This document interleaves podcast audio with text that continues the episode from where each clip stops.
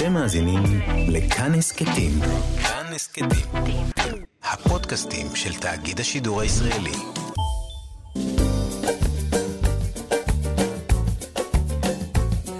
שישים החדש, עם איציק יושע. לחיות בגיל השלישי.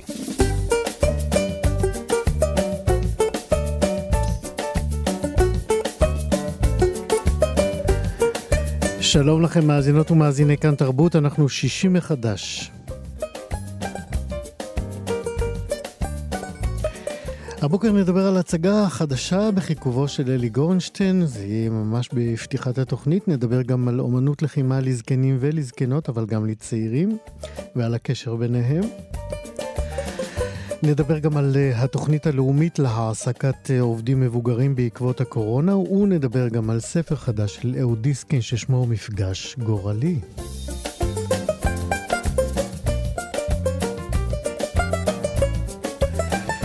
וכמובן אה, תהיה לנו מוסיקה ישראלית מראשית הפופ הישראלי ככל שנספיק. בצוות היום ענת שרון בלייס, גיא מחבוש, בהפקת השידור אלעד זוהר, טכנאי השידור. אני איציק יושע איתכם עד 12. 60 החדש. נופים קסומים. הצגה על בני זוג בדיור מוגן שמתגרשים כעבור 50 שנות נישואים. האם הנישואים האלה הם בעצם פארסה מתמשכת? אז אה, זה פחות או יותר השאלה שמונחת אה, בבסיס ההצגה הזאת, שעוד מעט אנחנו ננסה גם לתת לה כמה אה, מענים. רק נאמר שההצגה הזאת מועלית בתיאטרון אה, באר שבע, בחיכובם של אה, ליאורה ריבלין ואלי גורנשטיין. אה, ביים אותה אילן רונן. אה, הגרסה האמריקנית של ההצגה הזאת, אנחנו צריכים לומר, הייתה מועמדת לפרס הטוני בשנת 2020. וגם uh, לפרס המחזה הטוב ביותר. Uh, בכל זאת, אני אתן לכם איזה תמצית uh, קצרצרה של עלילת הדברים. אז ביל וננסי, כאמור, הם זוג נשוי, uh, 50 שנה. הם חיים בקהילת מגורים לאזרחים ותיקים. השם של הקהילה הוא נופים קסומים, כשם ההצגה. ביל הוא רוקח בפנסיה שלא פספס יום עבודה אחד בחייו, ועכשיו ככה בחצי השני של חייו הוא חולם להיות לא פחות ולא יותר סטנדאפיסט. Uh, החיים של uh, ביל וננסי ככה מתנהלים בשגרה כמעט בלתי משתנית. Uh, הם מכירים זה את זה ממש עד uh, דקויות, uh, אפשר לומר משעממים את עצמם כבר, uh, עד כדי כך שהם אפילו לא רבים ולא מתווכחים, אבל ערב אחד ננסי מודיעה, אני רוצה להתגרש. אז מגיעים הילדים, ומכאן מתפתחת העלילה בצחוק ודמע. ועכשיו זה הזמן לומר שלום ובוקר טוב לאלי גורנשטיין. שלום רב, איציק. וואי, סיפרת כמעט הכל. לא, סיפרתי רק את סיפור המסגרת. נכון, עכשיו אתה נכון, ת- נכון. תבוא ותיצוק אה, תכנים לתוך כן. הסיפור הזה. בהחלט, כן, אני אשתדל. אז, אז אולי, כן. אולי באמת תספר לנו על, אה, אה, קצת על, ה, על הזוג הזה, על אה, ביל וננסי, אה, ועל שגרת היום שלהם שמובילה לשיא הזה שסיפרתי כן. הרגע. כן, תראה, הם אה, נמצאים בדיור מוגן, כפי שתיארת מאוד יפה, הם, אה, אתה יודע, חיים 50 שנה, ופתאום אה, קורה משהו, תשמע, אנשים בגיל השלישי, אחרי שהם יוצאים לפנסיה, פתאום, והילדים אינם, אז יש איזה, פתאום, איך, איך אנחנו מבלים את שאר החיים? מה יהיה עכשיו? רוקח אני כבר לא, וננסי כבר לא ספרנית, כבר מזמן בפנסיה. ואז מתחילים לחלום חלומות והם נמצאים בדיור מוגן, ובדיור מוגן יש כל מיני קורסים.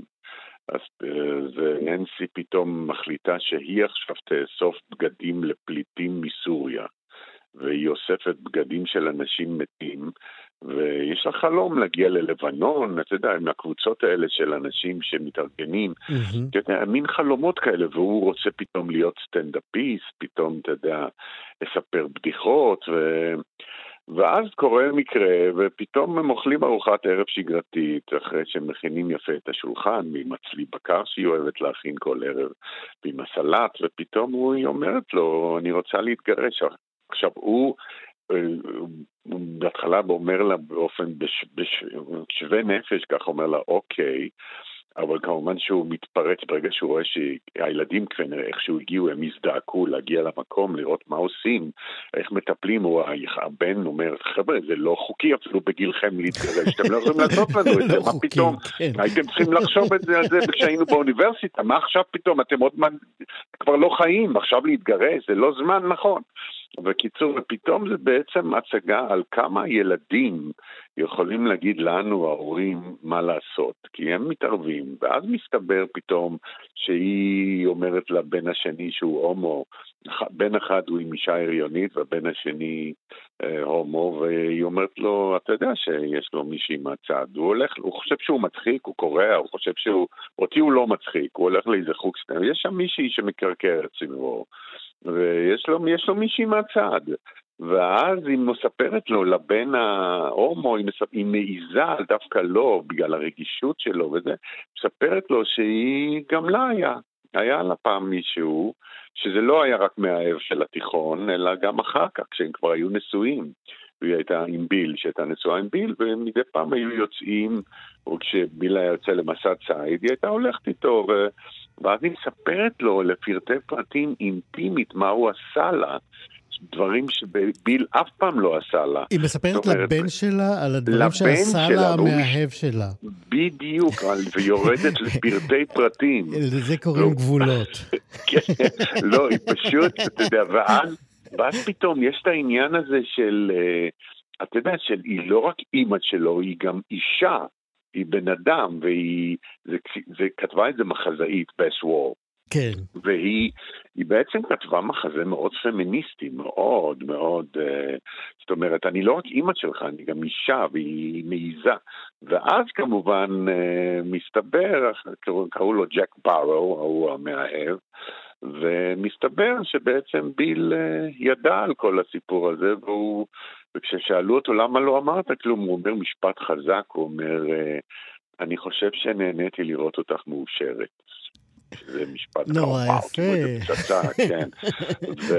ואז, טוב, אני לא רוצה להגיע כבר לסוף, אבל... אה, כי לא רוצה לעשות ספוילר, אבל אתה יודע, זה בעצם אה, קורה משהו בגיל השלישי, שפתאום... אתה יודע, פתאום יש חלומות לבני זוג, לאנשים האלה, והילדים נכנסים באמצע, וילדים כן. לא יודעים להסתכל על ההורים, אלא רק כהורים שלהם, ולא כבני אדם שיש להם רצונות משלהם, ושאיפות ומחשבות, ו... ואז הם אומרים להם בשלב מסוים, כי תמיד אנחנו חושבים, טוב, הילדים, אה, אתה יודע, במיוחד עכשיו בתקופת הקורונה, שזה היה שהרבה ילדים חזרו לגור עם ההורים, ואתה כן. יודע, ויושבים שם בבתים כמו טפילים כאלה. די, אתם תלכו כבר הביתה, כאילו, די, מספיק, כאילו, אה, אה, הגיע הזמן כבר, אתם, אתה, ביל, אתה רוצה שהוא יישאר פה איתך? הוא מסתכל עליו רגע, אומר, לא. זאת אומרת, אתה יודע, זה, זה, פתאום אתה מבין שהילדים הם, אה, הם לא יודעים להסתכל על ההורים שלהם, רק, אלא רק כהורים. כן, אני רוצה רגע ללכת בכל זאת אחורה קצת אה, לשורשי היחסים של אה, ביל וננסי. כן. עד, עד, עד הקטע שהיא מבקשת להתגרש, אז מן הסתם אנחנו עדים לאיזושהי אבולוציה, לאיזושהי התפתחות ב, ביחסים שלהם. אני רוצה שתיקח אותנו לרגע שהוא יותר עצוב, יותר פחות מצ... מצחיק. אני חושב שהרגע, הרגעים העצובים, ש... או אני לא אגיד עצובים, אלא יותר מרגשים, ואני חושב שכל אחד יחוש את זה, זה קורים דווקא בסוף, בסוף ההצגה. שאתה פתאום קולט שהם בעצם לא יכולים בלי אחד עם השנייה. זאת אומרת שהם... הם, היה איזה רגע של משבר, שהיא הבינה שיש לו את המאהבת, שבסוף מסתבר שזה סתם היה איזה מין צחוקים כאלה, מעבירים אה, תמונות של פורנו, אתה יודע, בטלפונים, והיא ראתה את זה, היא תפסה את הטלפון, זאת אומרת, אה, אבל בעצם הם לא יכולים בלי אחד עם השנייה, זאת אומרת, ו, ואז הם מלבנים לקראת הסוף את, ה, את היחסים ביניהם, והם... אה, ואתה רואה שהוא, אמ, אמ, את היית כל החיים שלי, ננסי, את היית כל החיים שלי, הכל, באיזשהו רגע מסוים, כי הוא הרי, מה קרה? הוא הרי, ברגע שהיא אומרת לו אני רוצה להתגרש, הוא מתחיל בטירוף לאסוף דברים, הוא אורז והוא רוצה ללכת, כאילו אולי יש לו איזה חלום בראש, אני עכשיו, ואני רוצה קרוון, ואני אקח את, הכל, את הכורסה שלי ואת הטלוויזיה שלי, ואני אסע עכשיו, כאילו יש לו איזה בראש איזה מסע שהוא הולך עכשיו בארצות הברית ולעשות מופעי סטנדאפ בכל אה, USA, אתה יודע, כאילו עכשיו עושה מסע הופעות. ויש לו גם ים של חומרים, להתגרש בגיל 50, כן. אתה יודע, זה, בדיוק, זה, זה לו, כר פורה לצחוקים. כן, הוא אוסף בדיחות כאלה, אני נשוי 50 שנה, אה, אני נשוי באושר 50 שנה, אה, לעבודה שלי, כשאני חוזר הביתה לאשתי זה כבר סיפור אחר. הוא כאילו כותב על החיים שלו בדיחות כאלה והוא מתאמן עליהם, יש גם קטע שרואים שהוא אורז את הדברים והוא מתאמן על הסטנדאפ שלו, ככה לקראת הנסיעה, הוא, הוא מכניס דברים לקרוון והוא רוצה עכשיו לצאת למסע הופעות.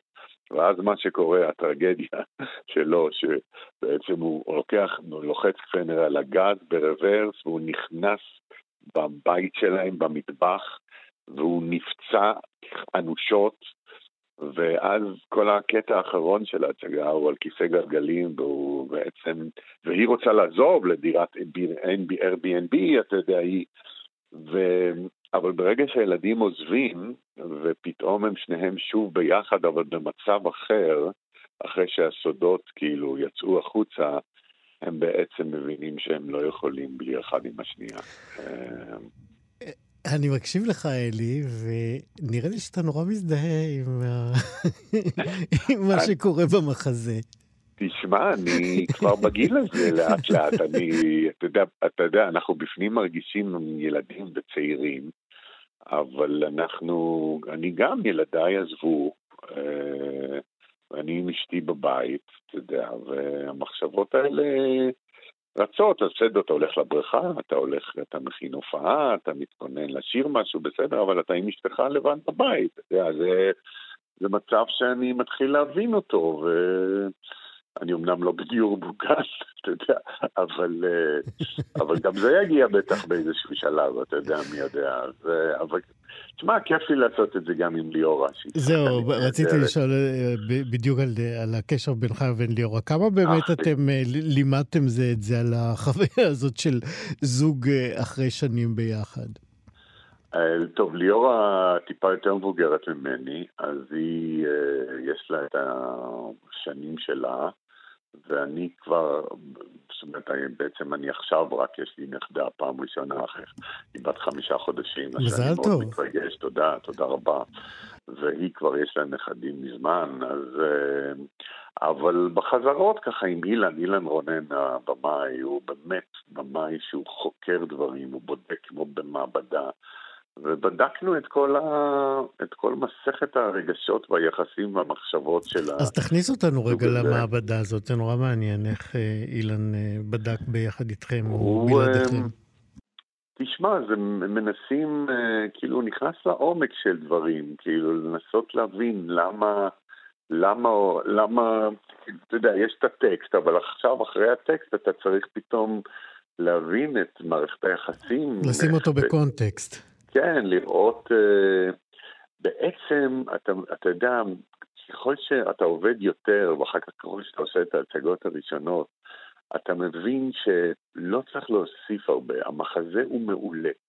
הוא מחזה מצוין, באמת, כתבה אותו, היא שחקנית לשעבר, ואם אתה פשוט אומר את התווים, את הטקסט של התווים, בלי להוסיף הרבה, אלא רק להכניס את העניין הזה של הקונפליקט בינה ובינו, כאילו הדבר הזה שנגיד הוא אומר לה, ברגע שהיא מתחילה, אתה יודע, היא מתארגנת, היא אוספת את השקים שלה וזה, והיא רוצה לנסוע עכשיו ללבנון וזה, והפליטים וזה, אז, אז הוא אומר לה, הם יכריחו אותי לעבור לגן הוורדים הסיעודי. כאילו גן הוורדים זה, זה, זה, זה, זה הבית אבות הבא, ששם זה כבר הסוף. התחנה האחרונה, כן. שם זה אחר כך זה פעילויות, הוספיס, סידורי קבורה, זהו. שם זה נגמר. וכשהוא נמצא במצב הזה של הכיסא הגלגלים, והוא אומר, אני דרמטי, את, אני, את, את גרם, את, את דיברתי עם קרלה, היא הייתה יכולה לטפל בי, הם, הם היו, זאת אומרת, אה, אני לא מאשים אותך, זה נורמלי לקנא, כאילו, והיא אומרת לו, זה, זה היה פתרון לכל התפילות שלי, היא אומרת לי, שאתה, שקרלה תהיה פה. אתה מבין, כך, גם יש סצנה עם קרלה, שפתאום מסתבר שהיא סתם, אתה יודע, אחת כזאת שאוהבת, הייתה פקידת קבלה במרפאת שיניים, אתה יודע, היא סתם גם, לא, אף פעם לא הייתה נשואה, ופתאום מצאה איזה גבר שצוחק איתה, מספר לה בדיחות גסות, והיא, אתה יודע, צחוקים, לא, לא יותר מזה. כן. סתם כזה, אתה יודע, אנשים זקנים משועממים ש... שהם פתאום מוצאים איזה משהו משותף, מחנה כן. משותף. אני, אני מכיר גם צעירים כאלה, אבל כן, ההצגה כן. הזאת של זקנים. כן. אלי, כן. אנחנו יכולנו להמשיך, זה, זה נשמע כיף של הצגה. אה, מתי כן. אפשר לראות אותה? אפשר לראות אותה אה, השבוע ערב ערב בתיאטרון באר שבע, וב-1 ביולי אנחנו במוזה, בשמונה וחצי במוזיאון ארץ ישראל ברמת אביב, ונשמח שכולכם תבואו. ותעקבו, תראו, אולי יהיו עוד הצגות בתל אביב, על כל פנים זאת הצגה של תיאטרון באר שבע. נופים קסומים, זה השם של ההצגה. אלי גורנשטיין, כוכב ההצגה, תודה רבה שדיברת איתנו. תודה לך. להתראות. להתראות, ביי ביי. 60 החדש. מפגש אה, גורלי הוא ספרו החדש של אהוד אה, דיסקין, אה, שיצא לא מכבר בהוצאת ידיעות אחרונות, ספרי חמד. זהו ספרו השלישי של דיסקין, אחרי האוטוביוגרפיה שהוא קרא לה הן אפשר, ואחריה בא גם רב-מכר, זאב בודד בירושלים. נספר לכם שדיסקין הוא דור שביעי בירושלים, הוא ילד קטן. הוא ראה מקרוב את המלחמה על העיר. אה, הוא התגייס לצבא ארבע פעמים, בכל פעם קראו, שהוא השתחרר, קראו לו שוב. אה, מה עוד אנחנו יכולים לספר עליו? יש הרבה עלילות עם אה, אהוד, עוד מעט אנחנו נדע יותר. הוא היה מנכ"ל קרן ליבי בגיל 38. Uh, ובתוך כל אלה הוא למד uh, uh, והפך לדוקטור במנהל עסקים, אבל הצבא תמיד ככה נשאר אה, חלק אה, משמעותי בקיום שלו. בשלב מסוים הוא פרש לעסקים והוא גר בארצות הברית. אה, מתמחה בטקסטיל כבד, אוהלים צבאיים למשל. הוא התחתן שלוש פעמים, והוא מחלק את חייו בין שתי יבשות. ועכשיו הוא עם הספר החדש. שלום אהוד דיסקין. שלום וברכה. מה שלומך? אה, מצוין, תמיד בארץ טוב, ואני רוצה רק לתקן שאני די מחלק את זמני בין הברית וישראל, אה, יש לנו דירה בתל אביב, ואנחנו נמצאים כאן גם הרבה. זה כן. מה שאמרתי, חולק את חייך בין שתי היבשות. כן, נכון. אה, בוא תספר לנו, אתה יודע, קצת ככה על uh, איזשהו סיפור המסגרת של, של הספר, שבעצם הוא, העלילה שלו מתרחשת uh, אי שם בימים של טרום המדינה, אחרי החלטת האו"ם שמתכבדת להקים את מדינת ישראל, ואז...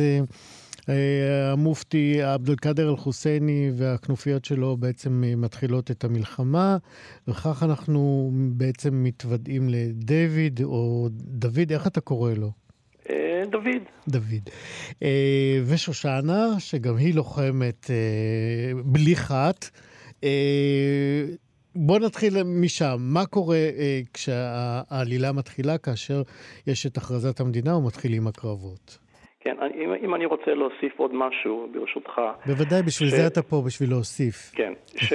אה, את הספר הקודם שלי, זאב בודד בירושלים, אני כתבתי בעקבות אה, בלוג, כן, שראיתי שנער בגיל 17, שהוא כתב בבלוג בעיתון, אה, יש לי דוד אלוף, לא מעניין כל הסיפורים, וכן הלאה וכן הלאה, אין לי מה לעשות כאן במדינה, ואמרתי לעצמי, אנשים לא אוהבים היסטוריה, כן, עוד פעם, הרוב לא קוראים, כן, ולא מבינים את הנס שבהקמת מדינת ישראל, את מה שעברנו כאן, והחלטתי לכתוב את ההיסטוריה, כלומר להבליע אותה בתור סיפור מרתק. זה מה שעשיתי בספרי הקודם, זה מה שאני עושה גם עכשיו.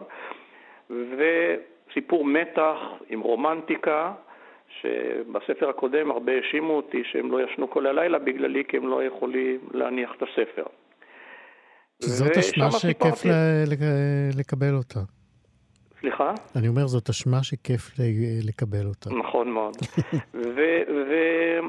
ושם באמת הוא הצליח, אחרי שבועיים הוא נהפך לרב מכר והכול, ואיך אומרים, וירא כי טוב הייתה הקורונה, אמרתי אני חייב, זה משהו חשוב, את כל הסיפור של המצור על ירושלים, שכמו שציינת, עבד אל-קאדר אל-חוסייני, שהוא היה מנהיג הכנופיות, חסמו את הכביש לירושלים, לא היה מזון, לא היה מים, זה דברים שאני זוכר שהייתי ילד קטן. ולספר את כל הסיפור הזה על כל הבעיה שהייתה ועל כל הבעיה גם אה, יהודית-ערבית, דרך סיפור מרתק. כלומר, ההיסטוריה היא מאוד מאוד מדויקת, כמו בספר הקודם, מאוד מאוד מדויקת. כן, מי שקורא וגומר לקרוא את הספר, הוא יודע מה היה שם. אבל זה בצורה מעניינת, יש מתח, יש הרבה רומנטיקה, כן? ו, אה, וזהו, רציתי לספר את, את, את הסיפור הזה. ו...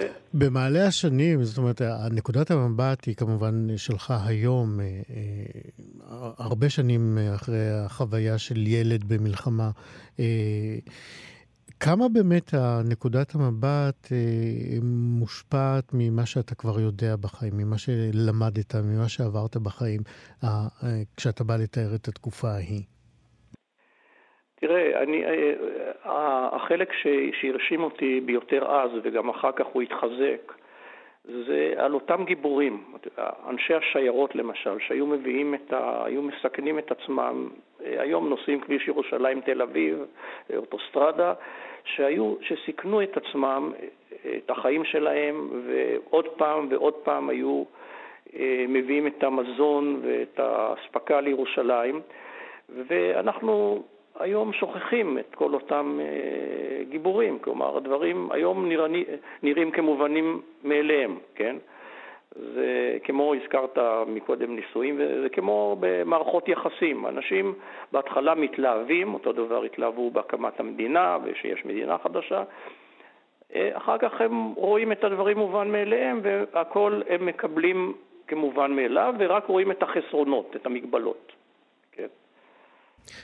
מה, אה, לא סיפרתי, אבל יש אה, במהלך אה, הספר, העלילה, מעבר לרומנטיקה, אם תרצה, עוד מעט ניכנס לזה, אבל גם דוד וגם שושנה לוקחים על עצמם משימות לפעמים שנראות בלתי אפשריות. שתף אותנו קצת בהרפתקנות שלהם. כן. בספר הזה עשיתי את שושנה, שהיא בת זוגו של דוד, היא ממש אה, גיבורה, ומבחינת הביצועים שלהם הם, הם, הם מעיזים הרבה, למשל, הם, אה, יש קטע שמנסים לחסל את עבד אל-קאדר אל-חוסייני, כן, במקום שלו באנסיניה, שביקרתי שם גם, כן, אה, בגדה. ו- ועושים דברים מאוד מאוד נועזים, אבל כל הביצועים שלהם זה דברים מעשיים. בוא נגיד, יש לי גם ניסיון צבאי וניסיון ביצועי. תן לנו דוגמה באמת לניסיון כזה שהוא נראה בלתי אפשרי, אבל הוא די מעשי. כן, הם, אה, יש מקום שנקרא אינסיניה, שזה לא רחוק מביר זית, ושם זו הייתה אחוזה של חוסייני. שם, דרך אגב, יצאו כל אה, מכוניות התופת. שהתפוצצו בירושלים, ושם היה המגורים שלו, והם יוצאים במשימה לחסל אותו, כן? הם יוצאים במשימה לחסל אותו עם עוד שני חברי חבורת הזאבים, ובסופו של דבר אה, תופסים אותם, כן? אני לא אספר את המשך הסיפור, כי כמובן. יש כאן את ה... אה, יש כאן את, את המתח, ואחד הדברים שנבנה מתח כאן גם, עבד אל-קאדר אל-חוסייני, מנהיג הכנופיות, שהיה לוחם ערבי נועז, כריזמטי, והוא היה המנהיג, כן? הוא נהרג בקרב על הקסטל באפריל 1948. ויש תעלומה על, על ה... איך הוא נהרג, כן? נסיבות המוות שלו, כן, לא ידעו. נסיבות המוות שלו. ובספר שלי אני נותן פתרון שאני חושב שהוא פתרון טוב, כן? כלומר, אני עוד פעם לא רוצה לספר, אבל uh, הוא פתרון טוב לאיך איך הוא, איך הוא באמת נהרג, uh, מה קרה.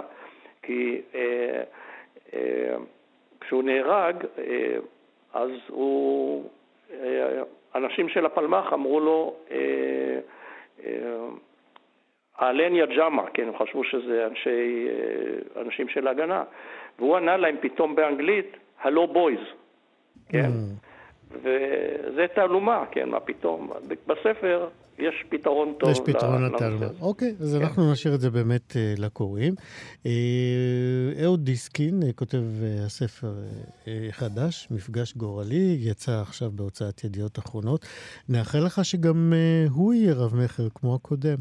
תודה, ואני רוצה רק נקודה אחת, שאת כל מצבי הכלכלי טוב ואת כל תמלוגים שלי אני תורם למוסדות חינוך, כך עשיתי בספר הקודם וכך אני אעשה גם uh, בספר הזה. החלטתי שאני כותב את זה מסיבה ציונית ואני לא רוצה להרוויח uh, אז... כסף. אני חושב שהספר רק יהיה בתחילת שבוע הבא בחנויות. כן. יפה. אז uh, אנחנו עכשיו על אחת כמה וכמה נאחל לספר הזה הצלחה, כי התמלוגים ילכו למטרות חינוכיות ואנחנו תמיד בעד.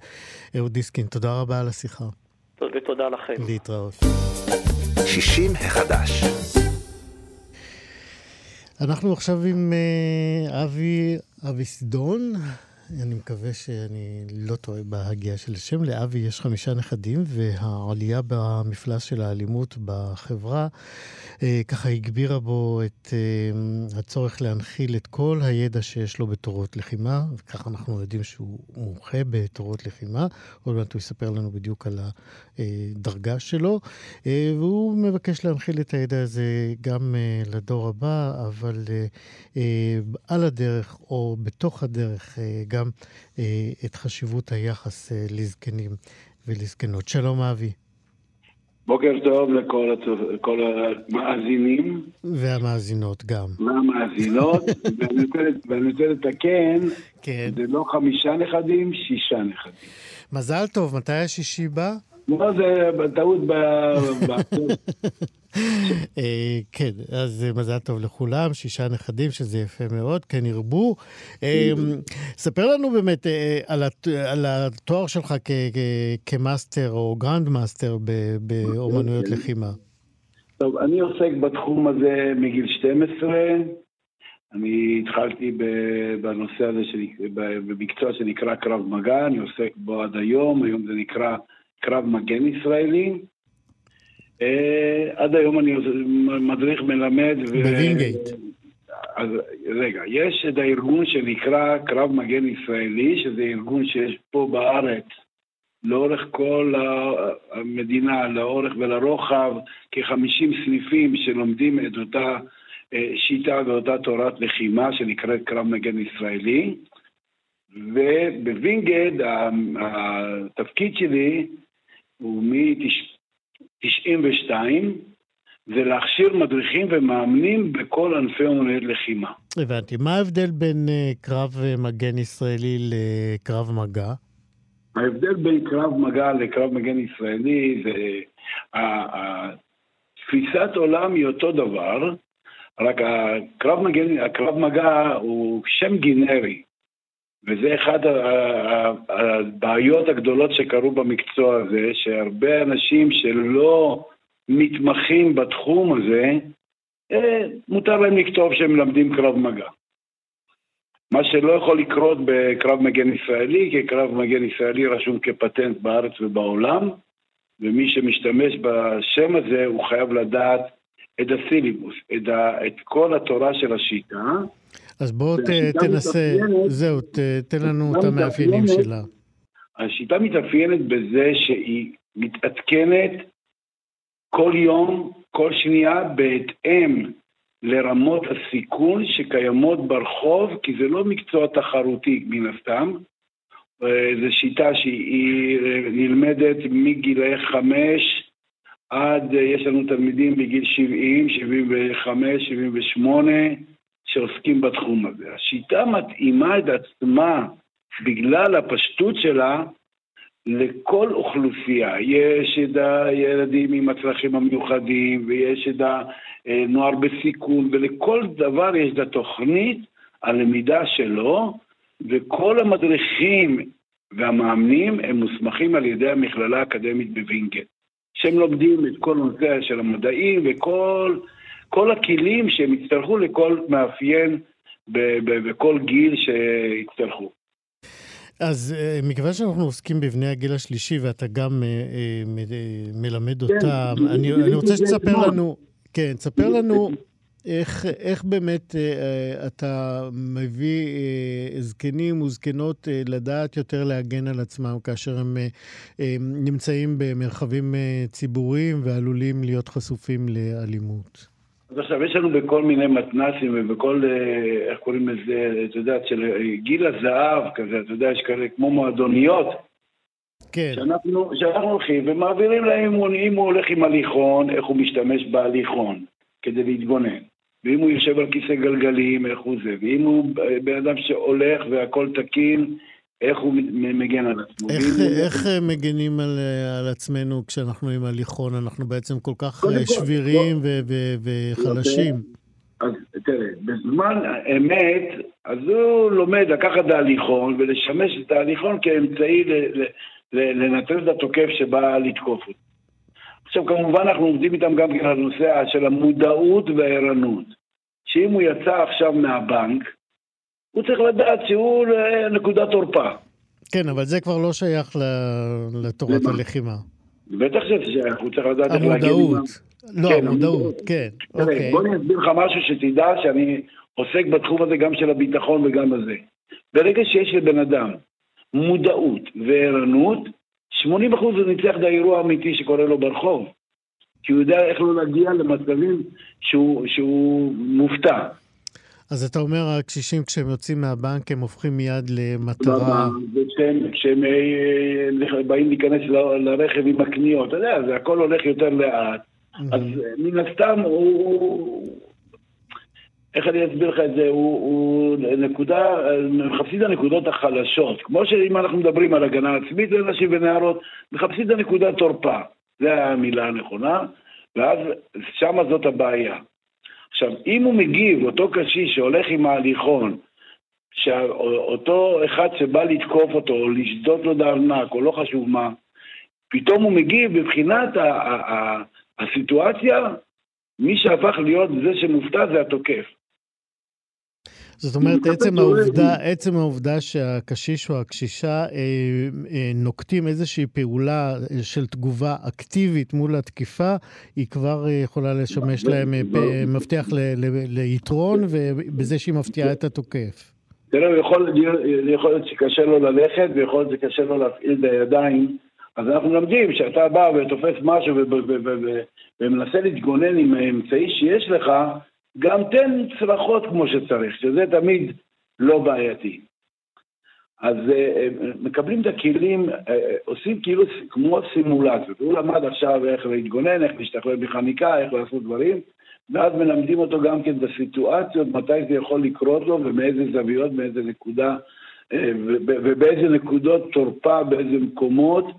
אם זה הוא ישב עכשיו בספסל בגן הציבורי, מה יכול להיות, ואנחנו יודעים שבגן ציבורי גם מסתובבים כל הנרקומנים והאלכוהוליסטים וזה, ובשבילם המאה שקל לא אכפת להם על החיי אדם של אותו בן אדם מבוגר או מבוגרת.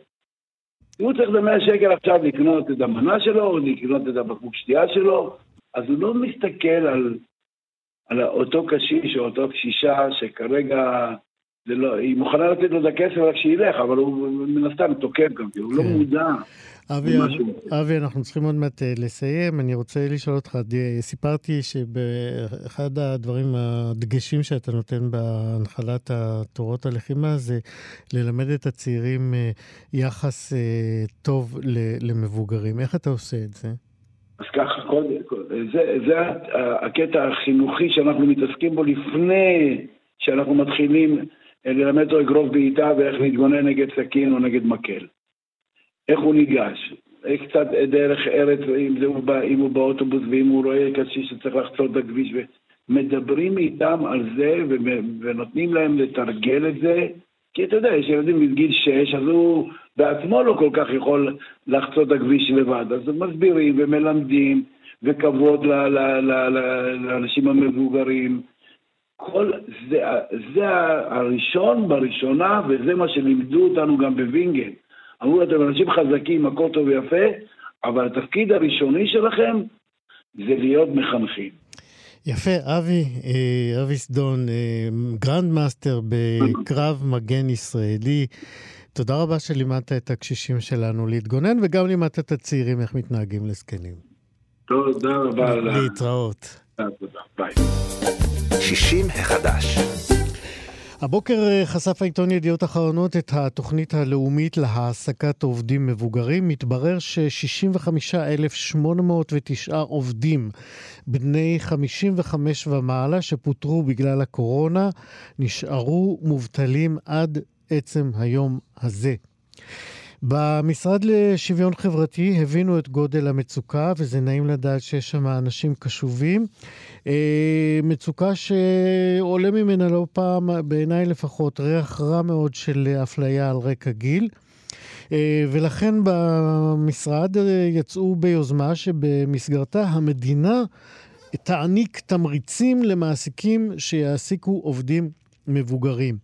אה, עוד נודע בפרסום הזה שהמשרד אה, גם יפעל להעלאה הדרגתית של גיל הפרישה לנשים וגם ירחיב את אה, יעדי ההעסקה לגמלאים. זה טוב לדעת את הדברים האלה, וכדי לדעת עוד על התוכנית הזאת המבטיחה, זימנו את יעל מבורך, מנכ"לית המשרד לשוויון חברתי. שלום יעל.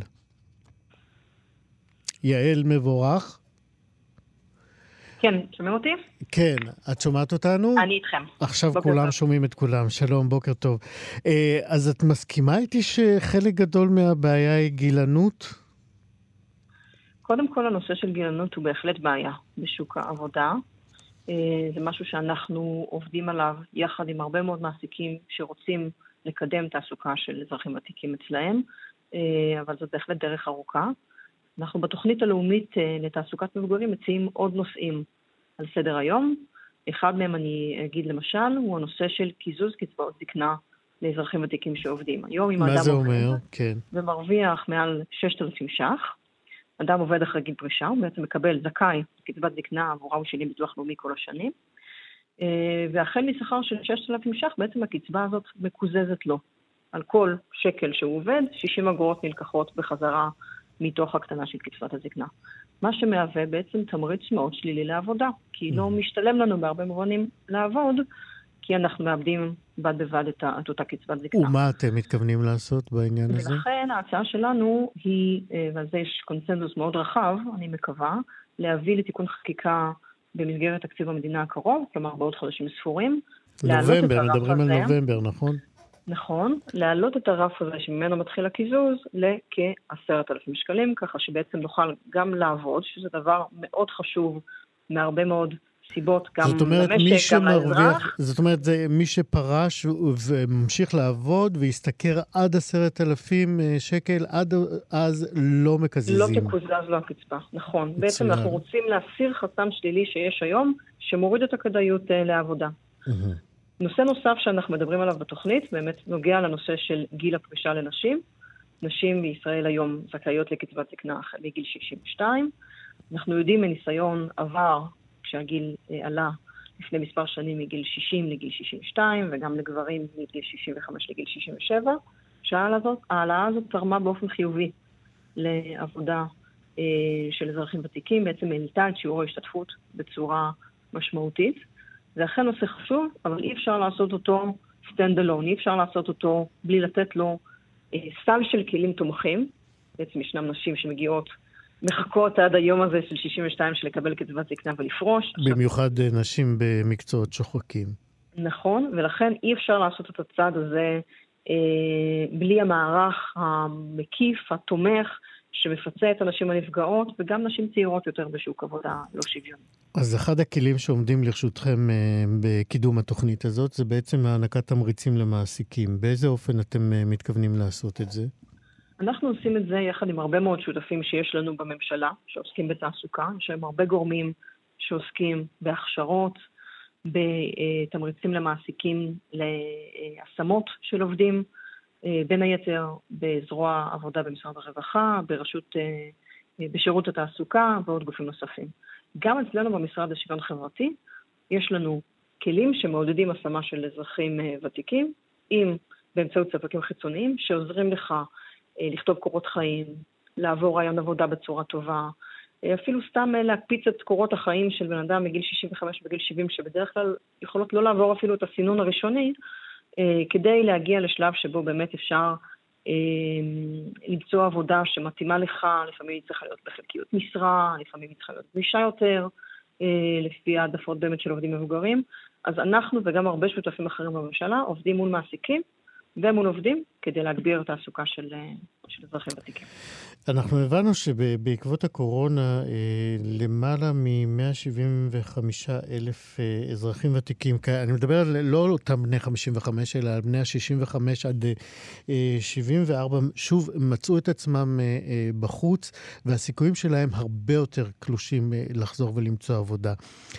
עד שיגיעו התמריצים האלה, יש לכם תוכניות מיידיות בשביל האנשים האלה? כן, בוודאי. א', חלק מהתמריצים האלה כבר קיימים היום, ובאמת אפשר לקבל אה, הרבה מאוד סיוע גם במשרד לשוויון חברתי וגם, כמו שאמרתי, בשירות התעסוקה. 175 אלף זאת הערכה שלנו לפוטנציאל האנשים בגילאים האלה, שהם בריאים ומעוניינים לחפש עבודה, מעוניינים לעבוד. יש להם גם הרבה מאוד מה להציע, והם לא מצליחים בהכרח אה, להשתלב.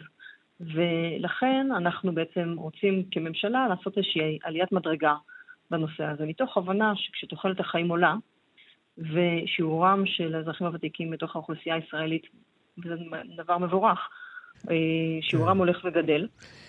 אמרנו... עבודה אה, ושיעור השתתפות גבוה הם קריטיים כן, למשק אנחנו, אנחנו צריכים לסיים עוד מעט, יעל מבורך. אני רוצה לשאול אותך, כמה באמת אה, יש נכונות ואוזן קשבת אה, אה, באוצר, שהרי עשיתם עבודת מטה מן הסתם גם מולם?